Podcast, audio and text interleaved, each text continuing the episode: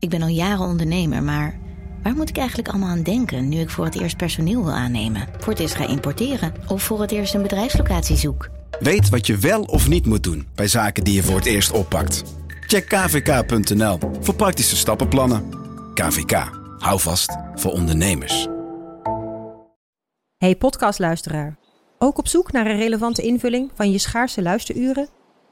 Tune dan in op de podcastserie ESG, even samengevat van BNP Paribas. Wij, Marloes en Aldert, spreken daar duurzame voorlopers en wereldverbeteraars. Waarover dan? Nou, bijvoorbeeld of we ooit duurzaam kunnen gaan vliegen. En waarom koeien in de stad nou een goed idee is? Dat en meer elke twee weken in een nieuwe aflevering. Dus abonneer je. ESG, even samengevat.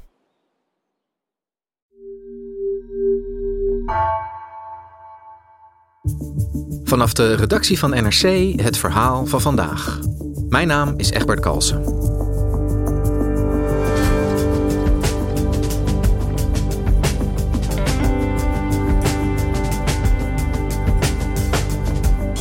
In het zuiden van de Gazastrook, in de stad Rafah, wachten 1,4 miljoen ontheemden in spanning af op het slotoffensief dat Israël heeft aangekondigd. Gazanen kunnen nergens heen en leiders van over de hele wereld waarschuwen premier Netanyahu voor de gevolgen van zo'n aanval, vertelt redacteur Dirk Walters. Is een humanitaire ramp nog te voorkomen?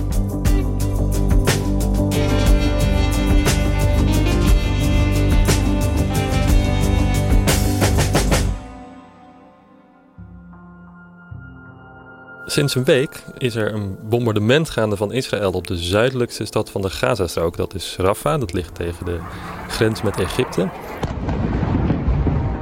En vannacht voerde Israël opnieuw luchtaanvallen uit op de grensstad Rafah in het zuiden van de Gazastrook. Israël heeft in Rafah ook twee gijzelaars bevrijd. Their release from an apartment in Rafah was announced shortly after Israel carried out an intense aerial bombardment of the city. En in totaal zijn er met deze bombardementen op Rafah nu al een 100 Palestijnen uh, omgekomen. En dan moet je even voorstellen wat voor stad dat is. Rafah heeft uh, zo'n 200.000 inwoners, dus een stad ter grootte van Eindhoven. Maar er zitten op dit moment 1,4 miljoen vluchtelingen.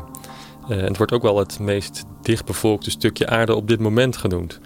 En ja, de verwachting is een beetje dat Israël, als het doet wat het tot nu toe heeft gedaan in de Gazastrook, ook met grondroepen zal binnentrekken in Rafah. Alleen die stad die is nu zo dicht bevolkt met bewoners en vluchtelingen. En mensen kunnen ook niet nog zuidelijker vluchten, want daar is de Egyptische grens en, en, die is dicht. Dat mensen over de hele wereld bang zijn voor de grote humanitaire gevolgen van zo'n grondoffensief. En steeds meer buitenlandse leiders spreken zich ook uit tegen zo'n offensief. Dan heb je het bijvoorbeeld over de Britse minister van Buitenlandse Zaken, David Cameron. Well, we are very concerned about what is happening in Rafah. And uh, it really, we think, is impossible to see how you can fight a war amongst these people. There's nowhere for them to go. En de Nederlandse demissionair minister van Buitenlandse Zaken, Hanke Bruins-Slot van het CDA, die schreef op X... Moeilijk te zien hoe grootscheeps militair optreden in een gebied met zoveel mensen niet zal leiden tot vele burgerslachtoffers en een grotere humanitaire catastrofe. Dat is niet te rechtvaardigen.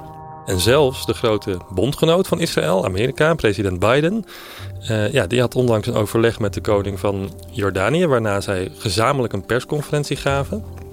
Uh, en daarbij zei de koning van Jordanië: We cannot afford an Israeli attack on Rafah. It is certain to produce another humanitarian catastrophe. En ook Biden uitte dus zijn zorgen. The conduct of the response in Gaza Strip has been um, over the top. Maar Israël lijkt zich doof te houden voor al deze signalen uit de buitenwereld. Uh, premier Netanyahu die slaat nog steeds oorlogszuchtige taal uit. Victory is within reach. We're going to do it. We're going to get the remaining Hamas terrorist battalions in, in Rafah, which is the last bastion, but we're going to do it. En de inwoners van Rafah die zijn door Israël opgeroepen om de stad te verlaten. Dus de vraag is of die potentiële humanitaire ramp waar al die wereldleiders voor waarschuwen nog wel tegen te houden is. Ja, Dirk, de vergeldingsactie van Israël naar aanleiding van de aanslagen van 7 oktober is al vier maanden gaande. Inmiddels concentreert zich dat op het zuidelijkste punt van de Gazastrook. Weet jij hoe het nu is in die stad, in Rafah? Nou, het is uh, nog steeds best wel moeilijk om informatie daar vandaan te krijgen. Want ja, journalisten die kunnen er niet naartoe. Uh, dus de informatie die je krijgt, die komt via derden. Nu is het wel zo dat onze eh, fixer in Gaza, met wie NRC al jaren samenwerkt, Sami Ajrami, daar heb ik dan af en toe nog wel app-contact mee. Alleen het punt is, hij is zelf ontheemd. Hè? Dus hij komt uit het noorden van Gaza en hij is met zijn gezin, twee dochters van 19, is hij naar Rafah gevlucht. Dus toen ik onlangs ook een beetje bezorgd aan hem vroeg van... hey, hoe gaat het met je? Toen appte hij mij dit. Hi dear Dirk, I was very busy today to find an alternative place away from Rafah. Today it was a tough day for Rafah residents and all those who are displaced after a tough night. And the news about military operation in the city. People are in panic. There's no cash money in Rafah. People try to collect some money to help them survive the next period of the war. Everything is so expensive and there's lack of products. Rafah residents are very frustrated after being on the list to be under aggressive military operation, just like other cities in the Gaza Strip. They wish to avoid that, and a truce will be achieved before they become displaced. There is no place to move to. Ja, dit appje is van begin deze week. En uh, ja, ik heb hem nog wel een vervolgvraag gesteld op de app, maar daar heeft hij uh, niet meer op gereageerd. Nou, ik zag dat hij nog wel online was, dus ik, uh, nou ja, ik hoop dat het goed met hem gaat. Ja, en heeft hij jou ook verteld hoe die stad erbij ligt? Ja, hij heeft er wel iets over gezegd. En dat kan je deels ook wel een beetje opmaken uit de, de dagelijkse berichten die de Verenigde Naties naar buiten sturen over de humanitaire situatie in Rafah. Nou ja, je kunt je voorstellen, uh, als er 1,4 miljoen vluchtelingen in zo'n stad zitten, dan uh, is elk vrij stukje ruimte, daar staat min of meer een tentenkamp. En ook elk huis dat nog overeind staat, is ook tot de nok toe gevuld met ontheemden. En dan moet je je ook voorstellen dat er een tekort is aan van alles en nog wat. Dus aan eten, aan medische voorzieningen, een groot gebrek aan wc's. Dus mensen doen hun behoeften buiten. Um, ziekenhuizen die uh, zijn al overvol en worden ook nog eens belegerd door Israël. Een tekort aan medicijnen. Dus het is ook een dagelijkse struggle om gewoon aan, uh, nog enigszins aan een maaltijd of aan water te komen. Ook. Dus ja, het is echt een hele moeilijke situatie om nu daar te moeten leven. Humanitair gezien is het dus eigenlijk al heel slecht daar. Tegelijkertijd, jij zei ook, uh, Netanyahu blijft oorlogzuchtige taal uitslaan. Hij wil ook dat zuidelijke stukje van die Gazastrook onder controle hebben. Waarom wil hij juist daar nu zo'n offensief uh, op loslaten? Doel van Israël is om Hamas volledig uit te schakelen. Nou ja, kijk, Hamas bestaat uit uh, tienduizenden mensen. Dus of ze die allemaal zullen pakken, dat weet ik niet. Maar de, de strijd richt zich voornamelijk op de twee ja, meesterbreinen achter de aanval van Hamas van 7 oktober op Israël. Yahya Sinwar en Mohammed Daif. En ja, dat zijn de twee die Israël uh, echt wil pakken. En ja, ook al moeten ze daarvoor een, een stad met zoveel ontheemden dan binnenvallen. Put yourself in Israel's shoes. Uh, we were attacked, unprovoked attack, murderous attack on October 7th, the worst attack on Jewish people since the Holocaust. And let me tell you, uh, I think we've responded uh, in a way that goes after the terrorists and tries to minimize the civilian population in which the terrorists embed themselves and use them as human shield. En Netanyahu is ook bang dat een aanval zoals die van 7 oktober zich herhaalt. Those who say that under no circumstances should we enter Rafah are basically saying lose the war, keep Hamas there. And Hamas has promised to do the October 7th massacre over and over and over again. En als Netanyahu inderdaad doet uh, wat hij zegt, um, wat zouden dan de gevolgen zijn, de humanitaire gevolgen waar die regeringsleiders allemaal zo bang voor zijn? Nou, ik denk dat voor een antwoord op die vraag dat je even moet kijken naar wat Israël tot nu toe gedaan heeft in Gaza. Steeds waarschuwt Israël Palestijnse burgers om een gebied te verlaten en dan vervolgens gaan ze het bombarderen en binnenvallen. En zo is Israël al bijna de hele Gazastrook van noord naar zuid eh, binnengetrokken. En onze fixer Sami is bijvoorbeeld al zeven keer verhuisd om nu in Rafah te belanden. Misschien moet hij dan nu wel voor de achtste keer eh, verkassen. Maar het is ook best wel onduidelijk waar ze heen kunnen. Want eh, nou ja, de, de grens met Egypte die is hermetisch gesloten. Zuidelijker dan Rafah kunnen ze niet. Toch zegt Netanyahu zelf dat Israël wel voor veilige vluchtroutes zal zorgen. We dropped thousands of flyers. We phoned Palestinians in their homes. We asked them to leave. We give them safe corridors and safe zones. So I think we're, we're doing the right thing. And now, let me tell you one other thing. We're going to win this thing. En hoe ziet dat er dan uit, zo'n vluchtroute? Ik bedoel, is dat ook echt veilig? En...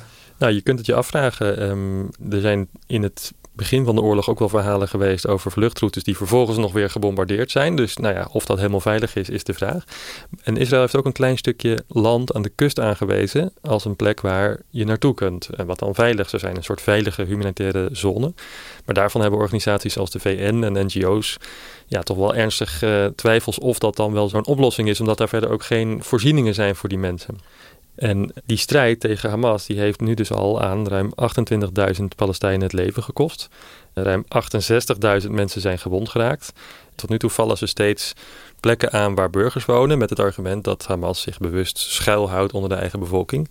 Nu hebben ze ook wel volgens het humanitair oorlogsrecht uh, ja, het recht om hun vijand uit te schakelen. En daar mogen dan eventueel ook wel wat burgerslachtoffers bij vallen, als dat dan proportioneel is.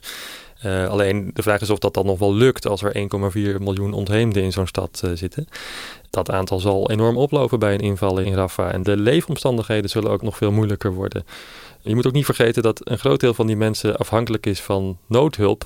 En dat wordt ook gewoon heel lastig om die bevolking nog te bereiken. Ja, want die noodhulp die komt allemaal juist via die grensovergang bij Rafah, het land binnen, hè, vanuit Egypte. Klopt, ja. En um, ja, als daar specifiek gevochten wordt, dan uh, zie ik het nog niet uh, gebeuren dat zo'n VN-truck dan zomaar even daar naar binnen rijdt.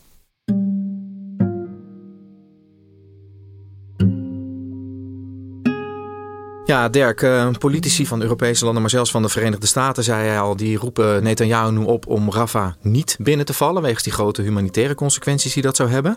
Blijft dat dan bij een oproep of zetten ze ook nog op een andere manier de regering van Netanyahu onder druk om dat niet te doen? Tot nu toe blijft het toch wel heel erg bij woorden. Met name vanuit uh, Amerika heeft dat ook wel iets uh, gratuits. Uh, in de zin dat ze dus Israël natuurlijk ook grote financiële en militaire steun bieden. Dat is normaal. In gewone jaren is dat al iets van 3 miljard euro per jaar. En nu is er bijvoorbeeld in het Amerikaanse parlement een wet onder stemming. Is nog net even de vraag of die het haalt.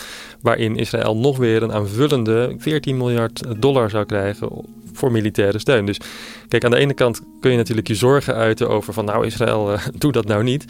Alleen is dat wel heel geloofwaardig als je tegelijkertijd die militaire operatie um, mogelijk maakt. En hoe kan het dan dat veel landen wel een oproep doen aan Israël om niet aan te vallen, maar daar verder eigenlijk geen consequenties aan verbinden? Wat zit daarachter?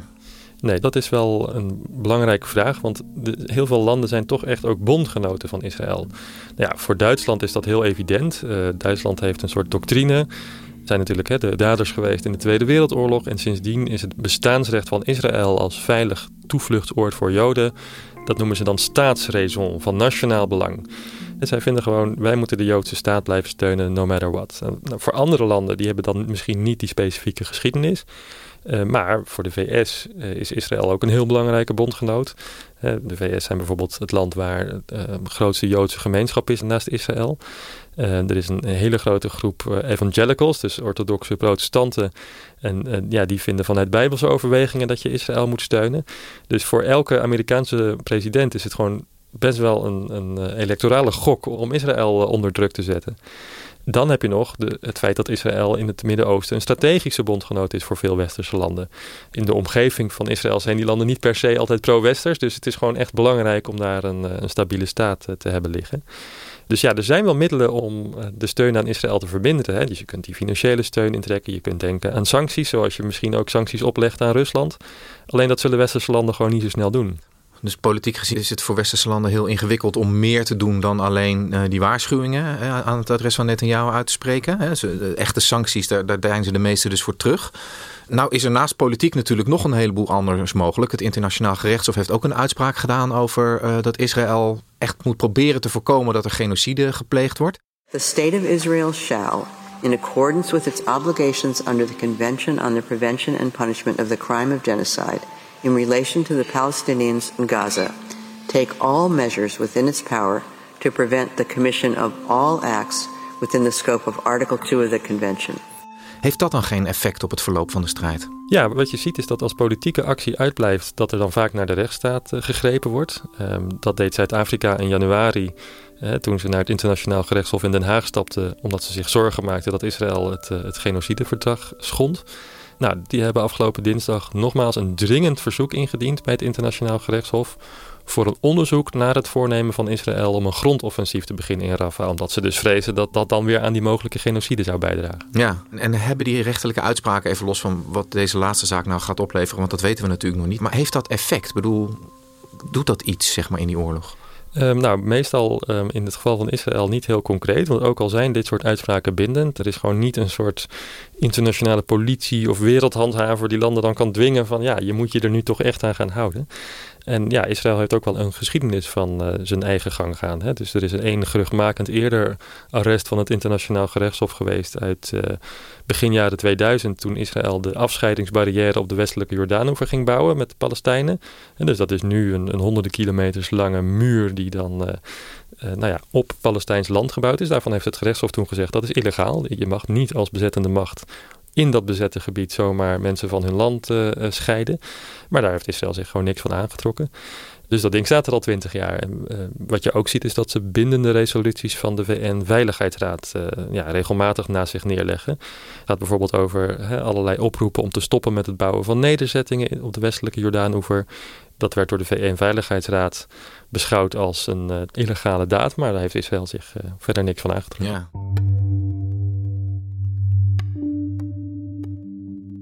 En wat is nu op dit moment de stand van zaken als het gaat over die politieke druk? Ik bedoel, lukt het zo om Netanyahu uh, te beïnvloeden?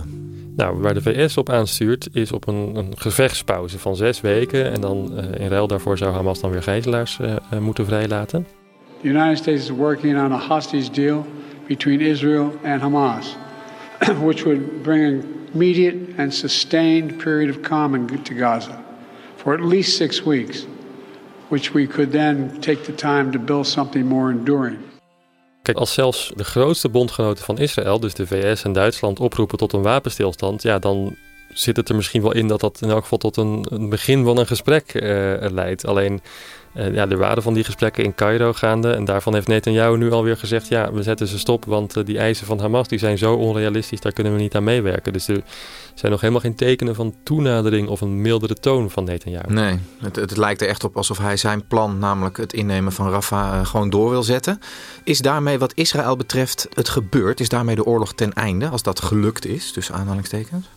Kijk, ik denk dat je dan wel misschien kunt zeggen dat de primaire strijd tegen Hamas dan op dat moment wel een beetje gestreden is. Want dan hebben ze gewoon letterlijk de hele Gazastrook uh, uitgekampt en uh, ja, dan is dat doel misschien bereikt. Alleen inmiddels heeft natuurlijk die Gaza-oorlog ook nog wel weer bredere consequenties. Hè? Dus op de westelijke Jordaanoever is het ook al maandenlang onrustig. Daar zie je ook dat de steun voor Hamas als organisatie die echt iets heeft gedurfd tegen Israël ja, die steun aan Hamas is daar eigenlijk alleen maar toegenomen onder de Palestijnse bevolking omdat ze dan zien van ja, hey, wij leven hier ook onder bezetting en niemand doet hier iets. En Hamas doet tenminste iets. Dus die zien in hun media toch vooral, nou ja, heroïs Hamas en heel veel Palestijnse slachtoffers door Israëlische aanvallen. Nou, inmiddels is de strijd uh, ook nog weer verplaatst naar Libanon. Hè. In de nacht van, van woensdag op donderdag heeft Israël nog een, uh, een bombardement daar uitgevoerd. Nadat er een raket van Libanon op een Israëlische stad uh, terecht was gekomen. Waarschijnlijk afgeschoten door Hezbollah, een andere terreurorganisatie. Dus ja, je kunt je voorstellen als die strijd in Rafah gestreden is, dat het nog niet per se het, het einde van de, de onrust in de regio is. Ondertussen zitten die mensen in Rafah natuurlijk nog helemaal klem. Um, wat hoor jij van hen? Bedoel, wat, wat kunnen zij nog doen op dit moment? Ja, ze kunnen dus misschien naar dat ene uh, stukje veilig verklaarde land. Maar uh, ja, dat is maar de vraag of dat echt iets, iets oplevert. Er zijn mensen die voor misschien heel veel geld toch de grens over kunnen naar Egypte. Dus dan moet je naar verluid meer dan 10.000 euro smeergeld betalen. En met de juiste contacten, dan druppelen er mondjesmaat wel wat mensen de grens over. Maar dat is voor de meeste mensen ook geen oplossing. En veel Gazanen die willen dat ook niet. Want um, ja, er zijn allerlei Israëlische ministers in deze extreemrechtse regering van Netanyahu... die al openlijk zinspelen op het koloniseren van Gaza... nadat de Palestijnse bevolking daar weg is. Dus die uh, zien voor zich dat zij hun land gewoon kwijtraken als zij nu naar Egypte gaan. Ja, wat er dan nog rest is toch weer terug naar het noorden vluchten... waar dan de, de gevechten enigszins... Uh, afgenomen zijn. Hè. Er, er, zijn twee grote doorgaande wegen tussen het noorden en het zuiden van Gaza. En wat Sami, onze fixer, mij vertelde, is dat een van die twee wegen die meer langs de kust loopt, de kustweg wordt die ook wel genoemd, dat die allemaal weer helemaal barstens vol staat met duizenden mensen die weer terug naar het noorden willen vluchten. En je kunt je afvragen, waar vluchten ze naartoe? Want uh, ja, ook daar uh, zijn de meeste gebouwen uh, plat gebombardeerd. Dus er staat bijna niks meer overeind waar ze dan toch nog weer terecht kunnen.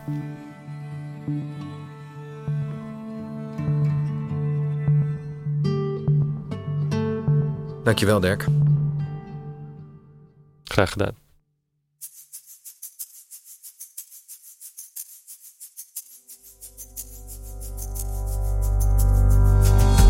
Je luisterde naar vandaag, een podcast van NRC.